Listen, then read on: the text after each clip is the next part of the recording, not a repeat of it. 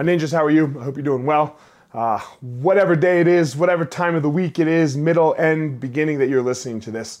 Um, so I scroll Instagram and uh, for reels and ideas and things. And the other day I came across one, or I come across it kind of often. It goes, "Man, there's going to be some motherfuckers out there that like that don't like you for absolutely no reason at all." Then there's this pause with some dramatic music. And then it says, "Fuck them." I want to take this a step farther. There's going to be people out there that don't like you for some decent reason, in their opinion. Fuck them. Fuck them. Why are you going to try to convince them otherwise? What, what will happen if they like you? Start there. What, what, what, will, what will change in your life if they like you? Now, look, we're going to start with the baseline that uh, everyone in the conversation here is a decent human, right? Uh, they are. They're, you're not lying and cheating and stealing and robbing from each other and like making someone else's life bad. So, let, let, we're gonna. We'll start there. So I'll ask you, what will change? What will change in your life if that person likes you?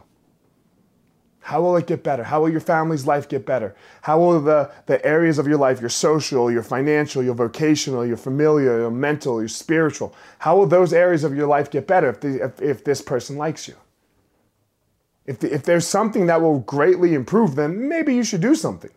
Because then maybe you're not acting or being, doing the most skillful things possible. But if that's not the case, if they just don't like you, which is which happens, right? There's there's plenty of people that I don't like and plenty of people that don't like me. Fuck them. Fuck them.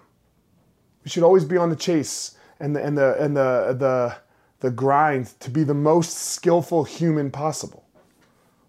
But that doesn't mean everyone's going to like you.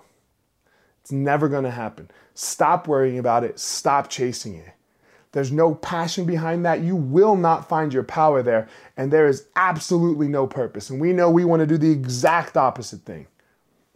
We want to discover our passion, find our power, and then go give it to the world.